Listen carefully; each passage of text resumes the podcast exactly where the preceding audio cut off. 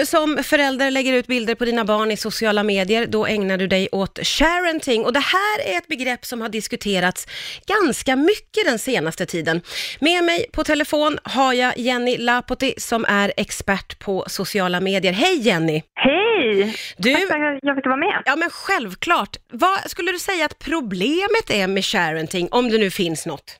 Ja, men det är ju det här med att, att man faktiskt lägger ut bilder på barn och när barn blir vuxna så kanske de inte alltid håller med om det som läggs ut.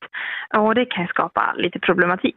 Ja, eh, och hur ska man tänka då som stolt förälder som ändå vill dela med sig av sina gulliga ungar eh, när man liksom ja, är på sociala medier tycker du? Alltså man behöver alltid tänka till lite grann på att hur barn eventuellt skulle kunna uppfatta det här när man blir äldre. Finns det risk att man kommer bli ledsen eller att man känner sig kränkt? Det här med kränkt är ju så svårt för att eh, vissa kanske blir mer kränkta av saker än andra. Mm. Eh, men det finns några enkla riktlinjer.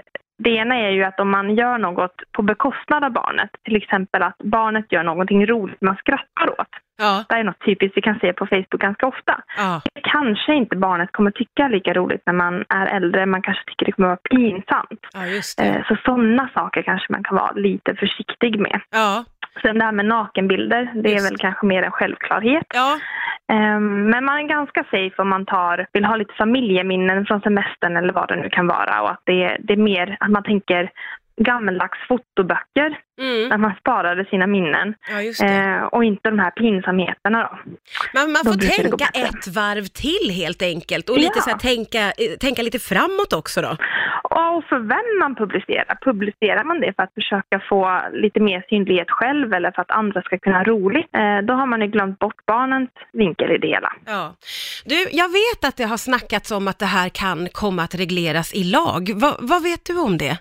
Det som håller på att ske är ju att barnkonventionen eh, kommer bli svensk lag nästa år.